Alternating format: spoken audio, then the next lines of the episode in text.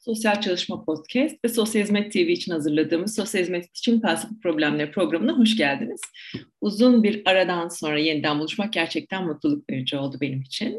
Görüşemediğimiz dönemde birçok şey yaşadık ama bana kalırsa bu yaz bizi en çok etkileyen, en çok üzen şeylerin başında orman yangınları vardı. Ee, bu sebeple ben uzun süredir planladığım gibi bugün felsefe ve doğa bağlantısını, felsefede biraz doğa ve insan bağlantısını ve bunu insan hakları bağlamında üçüncü ve dördüncü kuşak haklar olan çevrenin hakkı ve gelecek nesillerin hakkı gibi konularla bağlayarak sizlerle paylaşmaya çalışacağım. Tabii yine biraz dünya gaz ve toz bulutuydu kısmından başlamak istiyorum. Her zamanki gibi. Yani Birçok bununla ilgili tartışma olabilir ama kim ne derse desin bana kalırsa düşünsel dünyada birçok şey felsefeyle başladı. Yani aslında bilginin Big Bang'i e, felsefenin mitolojiden ayrılarak kendini salt bir düşünme ve gözlem etkinliği haline getirmesiyle ortaya çıktı diyebiliriz. Bu ayrımla birlikte bilgi edinmenin kaynakları da akıl ve gözlem olarak bir miktar değişti. Burada Elbette mitolojinin etkisini e, yatsıyamayız. Hala işte Platon'da özellikle Platon'un diyaloglarında e, o mitolojik etkileri görüyoruz. Ancak e, bu yavaş yavaş bambaşka bir tarafa doğru evrilmeye başlıyor. Hala mitolojinin etkilerini birçok şeyde görmeye devam ediyoruz aslında biz. Örneğin Jung'u mitolojiden ayırmamız, onu mitolojiden sıyırarak düşünmemiz çok da mümkün değil. Hatta eğer dikkat ettiyseniz Güneş sistemindeki gezegenler de adını Roma ve Yunan mitolojisinden alıyorlar. Yani aslında e, mitoloji birçoğumuz için hala çok etkin, kullanılabilir bir alan. Neyse biz konuyu mitolojiye bağlamadan devam edelim. E, presokratikler olarak adlandırılan bir grup var. Yani Sokrates öncesi filozoflar diyoruz biz bunlara. Bunların en önemli konusu ise arke. Arke dediğimiz şey evrenin ana maddesi ve o ana maddenin değişerek başka başka şeylere dönüşmesini sağlayan ilke.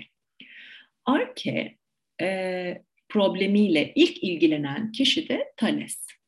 Thales'le ilgili anlatılan çok fazla hikaye var. Ben bugün onlardan bir tanesini de anlatmayacağım. Belki başka bir programda konuşabiliriz ama e, şunu bilmeliyiz. Presokratikler içinde evrenin ana maddesini bildiğimiz kadarıyla ilk araştıran kişi Thales. Ona göre evrenin ana maddesi su. Sonrasında işte bu su değişiyor. İçinde daimonlar dediği bir takım hareketlendiriciler var ve bu hareketlendiriciler sayesinde su başka başka nesnelere dönüşüyor. Yani presokratikler dediğimiz dönemde bunlara doğa filozofları da diyoruz zaten biz. Doğa filozofları döneminde insanlar doğanın daha doğrusu evrenin oluştuğu o ilk maddeyi aramakla bayağı bir uğraşıyorlar, konuşuyorlar. Bu onlar için çok önemli bir konu. Ee, ve bununla birlikte sonrasında başka başka filozoflar işte hava diyen var mesela Demokritos var atomon diyor işte efendime söyleyeyim dört ana unsur vardır diyenler var ve birçok filozof aslında evrenin ana maddesi hakkında uzun uzun konuşuyorlar ve şu anda anladığımız anlamda olmasa da bir nevi doğa bilimleri başlıyor bununla birlikte. Çünkü bu arayışta, bu evrenin ana maddesini arayışta aslında bir gözlem ve akıl yürütme var. Yani ilk bilgi arayışı yine içinde yaşadığımız bu evren ve dolayısıyla da doğayla ilgili. Yani insan öyle ya da böyle doğayla iç içe bir varlık olarak tanımlansa da farklılıklarından da bahsediliyor tabii. Örneğin Aristoteles bu konuda e, belki de en günümüz dünyasına ilham veren filozoflardan bir tanesi olmuş. Mesela Aristoteles ruh ve bedeni iki ayrı şey olarak adlandırsa da bunları insan denen varlığın iki ayrı öğesi olarak görüyor. Ve bedene hile yani madde ruha da maddeyi şekillendiren eidos ya da form adını veriyor. Hatırlarsanız bunu ilk programlardan bir tanesi de Platon'da konuşmuştuk bir miktar. İdealar konusundan. Ve diyor ki Aristoteles, biz normalde e, maddeyi ve formu birbirinden ayrı olarak göremeyiz. İkisi birbiriyle iç içedir ve biz onları bir nesne olarak görürüz. Nasıl anlatayım size en basit şekilde? İşte örneğin şu elimde tuttuğum kupayı düşünün. Bunun e, maddesi seramik. Formu da, eidosu da bir kupa formu. Şimdi Aristoteles diyor ki biz zihnimizde bunları soyutlayarak iki ayrı şey halinde tasavvur edebiliriz. Ama bunun içinden seramiği ayırıp ya da işte kupa formunu ayırıp bunu doğada ayrı ayrı göremeyiz. İşte diyor insan da böyle bir şeydir. Biz insanın bedenini ayrı, ruhunu ayrı düşünemeyiz. Onlar iç içe bir aradadırlar diye anlatıyor. Yani insan biri olmadan diğeri olmayan bir varlık. Tabii Hristiyanlıkla birlikte insan doğadan bir miktar ayrılıyor. Bunda Hristiyanlığın temel inanış biçimleri vesairelerde var. Diğer dinlerde de bunu görmek mümkün tabii ki ama hani antik Yunan'dan Orta Çağ Hristiyanlığına geç, geçildiği için genel anlamda felsefede bunu buradan anlatmak istiyorum. Ki hiyerarşide yine burada hemen etimolojik küçük bir şey söyleyeyim. E, hiyerarşi göklerin güç dizilimi demektir. Hiyer, gökler, arkiya da güç demektir. E, hiyerarşi sözcüğü, hiyerarkiya yani göklerdeki o güç dizilimi anlamına gelir. Hemen kapatıyorum burada parantezi. E, Hristiyanlıkta hiyerarşik olarak insan doğanın efendisi ve her şeyin üstünde bir varlık olarak konumlandırılıyor. Aslında bu meşhur Harari'ye bakarsak, Sapiens'in ve diğer kitapların yazarı Harari'ye bakarsak, Homo sapiens'in temel bir özelliği zaten bu hiyerarşide hep üst tarafta olmak. Biz hep e, insanın doğa hakkındaki bu yıkımını sanayi devrimine dayandırıyoruz. Ee, ama diyor ki Harari bize sanayi devrimine gelene dek insan türü kendi dışında birçok türü yok etmede şanına hiç leke sürdü. Yani atalarımız da doğayla pek uyumlu yaşamak e, derdinde değiller. Onun üstüne çıkmak, e, onu kontrol edebilmek, onu yönetebilmek gibi bir takım dertleri var. Bu Harari böyle söylüyor diyebiliriz. E, ancak Tabii bu insanın doğadan ayrı ve doğadan üstün bir varlık olduğu fikri aklın yüceltilmesi ile doruk noktasına ulaşıyor. Hristiyanlıkta günahkar olarak görülen beden ruha kurban ediliyor. Yani Kantçı bir söylemle doğa varlığı yanımızı yok saymamız istenmeye başlanıyor ve bu ayrımın doruk noktası da Baykartezyen olarak adlandıracağımız Descartes. Bu zatı muhterem beden ve zihni iki ayrı şey olarak görüyor ve zihni yüceltiyor da yüceltiyor. Hatta aklını o kadar seviyor ki handisi şu açlık derdi olmasa bedenini istemeyecek. Çünkü var olmanın koşulunu bile aklın bir süreci olarak düşünmeye bağlıyor. Var olmanın demek belki ağır olur ama var olmayı kanıtlamanın tek biricik yolu onun için akıl. Tabii buraların altyapısı Rönesans'la yapılıyor. Mesela hümanizm olarak adlandıracağımız o insana dair bilimlerin yeniden itibar kazanması ve e, insanın antik Yunan'daki gibi dini öğelerden sıyrılmış biçimde incelenmeye yeniden başlanmasıyla bambaşka bir seyre ulaşıyor. İnsanın kulluktan bağımsız hale getirilmesi önemsenmeye başlıyor ve bununla birlikte insanın e, kulluktan bağımsız hale getirilmesiyle onun değerinin kendinden kaynaklı kısımlarına odaklanılmaya yeniden başlanıyor ve bizler doğanın akıl sahibi varlıkları olarak yeniden doğanın efendisi tahtımıza, tahtına bu sefer e, herhangi bir dini öğenin bizi desteklemesine gerek kalmaksızın oturuyoruz. Ancak kendimizi doğadan ayırsak da kendi aramızdaki hiyerarşik ayrımları bitirmek de o kadar kolay olmuyor. Yıllarca süren mücadelelerle insanlar arasındaki eşitsizlik, eşitlik, eşitsizlik mücadeleleriyle tebaanın e, özellikle bilerek teba diyorum bu arada henüz yurttaşlık tam olarak ortaya çıkmış değil. Tebaanın yöneticilerden talep ettiği hakların teslim edilmesi yavaş yavaş işte Magna Carta ile sonrasında haklar bildirgesiyle daha sonrasında işte yurttaşlık burada başlıyor. Fransız İnsan ve Yurttaşlık Hakları Bildirgesi gibi belgelerle sağlanmaya başlanıyor. Ancak elbette bizi e, Cuma günü e, kutladığımız gün itibariyle en çok da ilgilendiren kısım 10 Aralık 1948'de ilan edilen İnsan Hakları Evrensel Bildirgesi ya da Beyanname diye kısaca adlandırdığımız şey. Tabii bu uluslararası bir belge ve sonrasında imzalanacak diğer insan hakları belgelerine kaynaklık ediyor. İnsan hakları dendiğinde eskiden iki tür haktan bahsediliyordu. Birincil ve ikincil kuşak haklar. Yani işte temel haklar, sosyal haklar diye ayrı, ayrılıyordu. Bunu biliyoruz zaten. Yani bunlardan birincil kuşak hakların ilk kategorisi insanın onurunu korumaya yönelik haklar. İşte ki hiç kimse esir ve köle durumda tutulmayacaktır. Hiç kimse işkenceye ya da acımasız, insanlık dışı, aşağılayıcı muameleye maruz bırakılmayacaktır. İnsanlara bu türden cezalar verilmeyecektir. Kimse keyfi olarak tutuklanmayacaktır diye. Yani burada insanın e, onurunu korumak üzere ona verilen haklardan bahsediyoruz. İkinci kategoride ise insanın olanakları dediğimiz bu işte çalışmak, sanat yapmak, bilimle uğraşmak gibi buna insan olanakları olarak geçiyor biliyorsunuz ki felsefe yapmak gibi. Bu insanın olanaklarını gerçekleştirebilmesi için sağlanması gereken ön koşullar var. Örneğin işte sağlık hakkı, barınma hakkı, eğitim hakkı gibi. Bu haklar bir devletin tüm yurttaşlarına eşit oranda dağıtmayı kabul ettiği haklardır ki bunlar sosyal ve ekonomik haklarla sınırları belirlenen vatandaşlık haklarından temelini alırlar. Sosyal ve ekonomik haklar ise işte yani bu en başta anlattığımız birinci kuşağın ikinci kategorisinden kaynaklı haklar, ikinci kuşak hakları olarak adlandırılıyorlar ve her devlet kendi olanakları ölçüsünde vatandaşlarına bu hakları eşit olarak sunmayı vaat eder. Örneğin eğitim hakkından bahsedelim burada.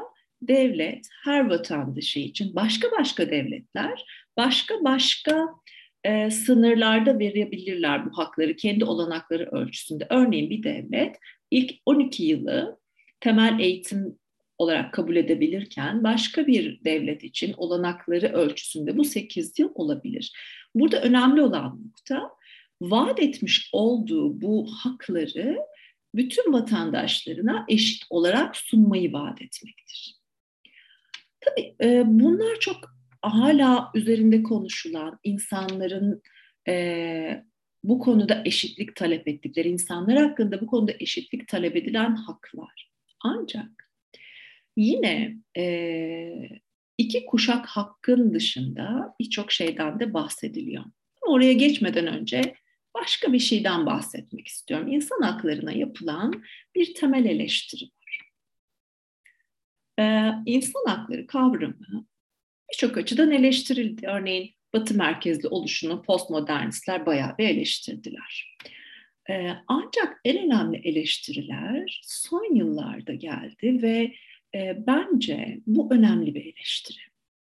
İnsan haklarını antroposentrik bir yapıda olmakla e, biraz eleştirdiler. Antroposentrik nedir? İnsana dayalı, yalnızca insanı temele alan haklar olduğu söylendi. Ee, özellikle iklim krizinin ve doğa tahribatının bu etkilerini fazlaca gördüğümüz bu dönemde hakların yalnızca insan hakları olarak antroposentrik yapısının insanı doğanın bir parçası olmaktan uzaklaştırarak onu aşkın bir konuma getirme halini perçinlediğini söylediler. Bu bağlamda çevre etiğiyle ilgilenenler doğayı insanın malı ve nesnesi olarak görmenin yarattığı tahribatın karşısında durulması bağlamında da yine insanın temel alınmasından şikayetçiler. Bunu nasıl anlatabilirim? Devam edelim şuradan.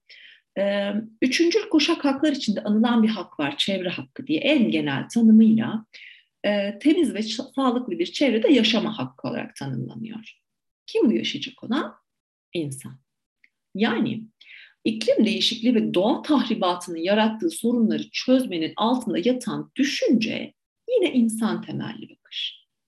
Diyorlar ki yine kendimizi kurtarmak için doğayı yaşanabilir bir hale getirmeye çalışıyoruz. derdimiz doğayı kurtarmak değil, yine kendimizi kurtarmak.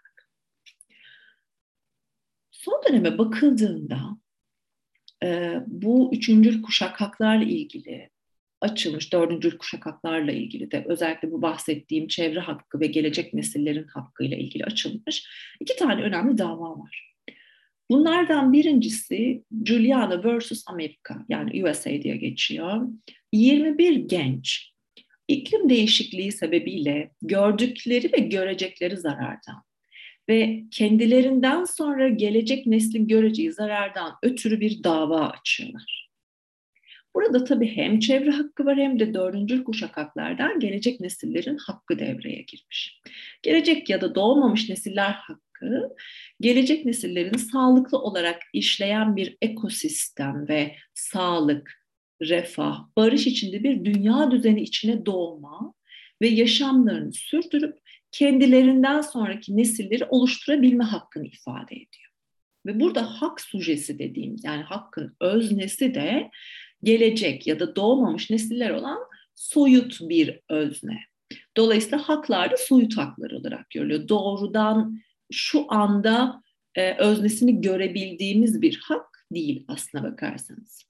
Yine buna benzer olarak bir Urgenda davası var Hollanda devletine karşı açılan ve e, bu Urgenda davasında da karbon emisyonu sebebiyle ortaya çıkan ya da çıkacak olan olumsuz koşullar sebebiyle mahkeme devletin karbon emisyonunu kararın çıktığı günden itibaren yüzde 25'e düşürmesini öneriyor. Tabii eğer iklim krizi ve sonuçlarından konuşacaksak ve insan hakları bağlamında konuşacaksak biraz e, Garrett Hayden adında bir e, insandan bahsetmemiz gerekir. Onun Lifeboat Analogy ya da ilk yardım botu mu, yaşam kurtarma botu diye çevirebileceğimiz Lifeboat analojisinden de biraz bahsetmemiz gerekir. E, nedir Lifeboat analogy? Diyelim ki 100 e, kişilik bir filikanız var diyor Haydn ve e, bu filikada 10 kişilik yeriniz var. Ve çevrenizde de yüzen 100 kişi var. Acaba bota kimi alırdınız? Bunu neye göre seçerdiniz? Nasıl bir yol izlerdiniz? Bu noktada tabii bunu ekolojik kriziyle bağlantılandırdığında şöyle bir yere gidiyor. Sanayi devrimiyle birlikte dünyayı en çok kirletenler olarak adlandırdıklarımız aslında şu an o filikada olanlar. Ve diyor ki Haydn gemiyi zaten onlar batırdılar. Yani şu anda bizim tırnak içinde gelişmiş ülkeler olarak adlandırdığımız bu ülkeler zaten şu anda o krizin içerisinden çıkmaya çalışan ülkeler, bize bu krizi atlatmalıyız diyen ülkeler zaten şu anda filikada olanlar. Ve e, gemi battı, filikadayız ve karaya çıkmanın yolunu arıyoruz diyor. Şimdi ve şöyle diyor. Gemiyi batırdılar, kendileri filikadalar, karaya ulaşmaya çalışıyorlar. Ama çevrelerinde yüzen o yüz tane kişiye karaya doğru yüzmeleri gerektiğini söylüyorlar. Yani burada da bir e, eşitsizlik olduğundan bahsediyor. Diyor ki mesela çünkü diyor işte artık karbon emisyonunu düşürmemiz gerekiyor. Bugüne kadar yaptığı o karbon emisyonuyla tırnak içinde kendisine ait bir ekonomik gelişime ulaşmış olan ülkeler geriye kalan artık o karbon emisyonunu daha yüksek karbon emisyonuyla üretim yapıp tam e, ekonomik olarak atağa geçmeye çalışacakken ülkeler onlara şöyle diyorlar. Siz elinizde olanlarla idare edin, gelişmeye devam edin ve dünyayı kurtarın. Çünkü kriz artık hepimizi etkiliyor. Yani tabii yine bakın burada hep insan merkezcilik var. Niye kurtarmak zorundayız? Çünkü eğer doğayla uyumlu hale gelmezsek ve onu kendi yaşayabileceğimiz hale getirmezsek hep birlikte yok olup gideceğiz. İnsan merkezcilikten uzaklaşacaksak belki biraz Peter Singer'dan bahsetmemiz gerekir. Peter Singer şöyle bir şeyden bahsediyor bize özneyi insan olarak belirlemeksizin muhtaç olanların refahını arttırmak için rahatlığımızı azaltmak. Tabii burada ekosistemin hakkı devreye giriyor. Doğanın muhtaç olduğu o refahı sağlamak için kendi rahatımızdan vazgeçmek. Yani çıkarların eşitliğini sağlamak için aynı çıkarlara eşit özeni göstermekten bahsediyor. Böyle bir kural koyuyor Peter Singer. Yani diyor ki eğer doğayı korumak istiyorsan evini kışın çok ısıtarak doğanın da daha doğrusu e, çevrenin daha fazla ısınmasına sebep olmamalısın. E, biz sosyal hizmeti bir insan hakları mesleği olarak tanımlıyoruz. Hep böyle mi? Sosyal hizmet bir insan hakları disiplini ve mesleğidir diyoruz. Bu bağlamda sosyal adalet de en önemli kavramlarımızdan bir tanesi. Peki bu noktada belki de sosyal hizmetle ilgili de bir insan hakları mesleği olarak onu da bu son ta- konuştuğumuz tartışmalardan yola çıkarak acaba antroposentrik olmaktan ekosentrik olmaya evirebilir miyiz? Böyle bir şey yapabilir miyiz? Bu noktada tabii e, bizim e, Mehmet Akif Ersoy Üniversitesi'nde yapılan Ulusal Sosyal Hizmet Kongresi'nde can kulağıyla dinlediğimiz biri bize oralardan sesleniyor. Tabii Lena Dominelli'den bahsediyorum. Dinlemişsinizdir belki konuşmasını. Dinlemediyseniz dinlemenizi muhakkak öneririm. Ee, burada Lena Dominelli yeşil sosyal hizmet kavramı ile yepyeni bir ufuk açıyor aslında. Kendisi Sosyal Hizmet Kongresi'nde yaptığı konuşmada ekran karşısında üstünde bir hani bizim dışarıda giydiğimiz cinsten kalın bir montla geldi. Onu hep öyle hatırlayacağım sanırım. Evini fazla ısıtmanın yaratacağı, doğada yaratacağı tahribatı azaltmak için kat kat giyinerek oturduğundan bahsetti ki bence bu değerli bir eylem. Dominelli, sosyal hizmette ekosentrik bakış için tüm canlılara sosyokültürel ve fiziksel, fiziksel çevreleriyle saygı duyulması gerektiğinden bahsediyor.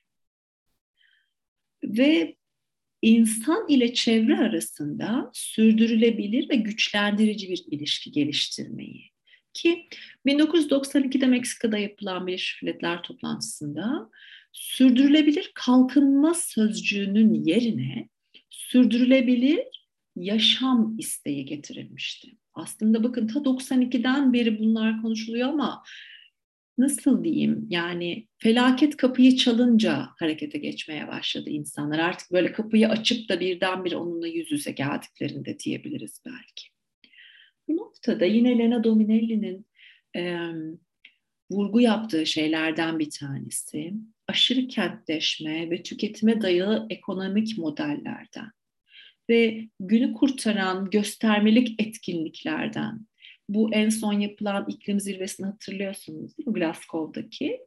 O çok eleştirildi. İşte evet orada iklim kriziyle ilgili bir şeyler konuşuyorsunuz, öyle bir şey yapmaya çalışıyorsunuz belki ama işte her biriniz tek tek jetlerinizle geldiniz oraya yani jetler karbon emisyonuna en çok sebep olan şeylerden bir tanesi. İşte o ışıklar açık bir sürü işte toplantılar, orada kullanılan kağıtlar, bardaklar vesaireler bununla ilgili çok ciddi eleştiriler yapıldı biliyorsunuz ki. Ee, buralardan yani bu geçiştirmelik zaten doğru sonuçta çıkmadı da Glasgow'dan bana sorarsanız bu benim şahsi fikrim. Ee, buralardan hakiki eylemlere geçilmesi gerektiğini söylüyor Lena Dominelli bize. Zaten Yana Kuçradi de hep şöyle der, biz gelişmeyi hep ekonomik büyümekle özdeşleştirdik. Halbuki gelişmek denilen şey sosyal adaletin sağlanmasıdır. Neyse. Buralardan devam ediyor işler. Evet şöyle devam edeyim. Diyor ki yani diyor Lena Dominelli yeşil sosyal hizmeti e, uygulaması yapmaya aday olacak sosyal hizmet uzmanlarının bireysel düzeyde ve grup düzeyinde insan hakları hassasiyeti taşımaları gerektiği. Ancak bunu yalnızca birincil ve ikincil haklar olarak artık düşünemeyeceğiz. Üçüncü ve dördüncü kuşak hakları da bunun içine dahil etmek zorundayız. Sosyal ve çevresel adaleti gözetici olmaları, biyolojik çeşitliliğin korunabilmesi için çalışmaları, ve barışın korunması için öncü olmaları gibi bir takım etik sorumlulukları olduğunu söylüyor. Şimdi haklı olarak şunu diyebilirsiniz tabii yani daha birinci ve ikinci kuşak hakları teslim etmekle ilgili sorunlar yaşarken ya üçüncü kuşak, dördüncü kuşak hakları bunlar nereden çıktı? Bunlarla nasıl ilgilenebiliriz? Çok üst perdeden bir şeyler mi acaba bunlar diye konuşabiliriz. Ancak bu anlattığımız hakların hepsi birbiriyle sıkıca bağlı. Örneğin işte çevre hakkı ya da doğmamış nesillerin hakkı bağlamında diyelim ki maden açmak için yok edilen bir ormanlık alan. Konut yapımına izin verilen bir tarım arazisi. Pestisitle zehirlenen bir toprak ve bunlar yani hayvanlar aynı zamanda zehirlenenler yaşama hakkını, barınma hakkını, sağlık hakkını doğrudan etkiliyorlar aslında. Arıcılık yapan köylü, mahsulsüz, işsiz kalabiliyor. Tarım ilacıyla zehirlenen toprak verimsizleşiyor ve çiftçinin elde ettiği gelir yine aşağı iniyor. Bu hem e, çiftçinin ektiğiyle beslenen diğer insanların hem de çiftçinin zaman içerisinde yoksullaşması ve dahi bunu düşünmek istemiyorum ama e, göstergeler de biraz o tarafa doğru gidiyor galiba. Açlığın ortaya çıkması demek. Ya tabii burada yine bir antroposentrik tuzağa düşmek istemem. Yine bakın insan üstünden konuşuyoruz.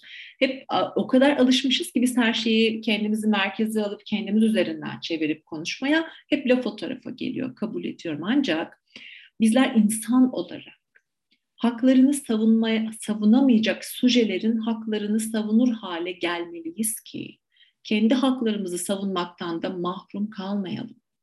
Ben açıkçası bunun gözetilebilmesi gerektiğini, bunun da görülebilmesi gerektiğini düşünüyorum.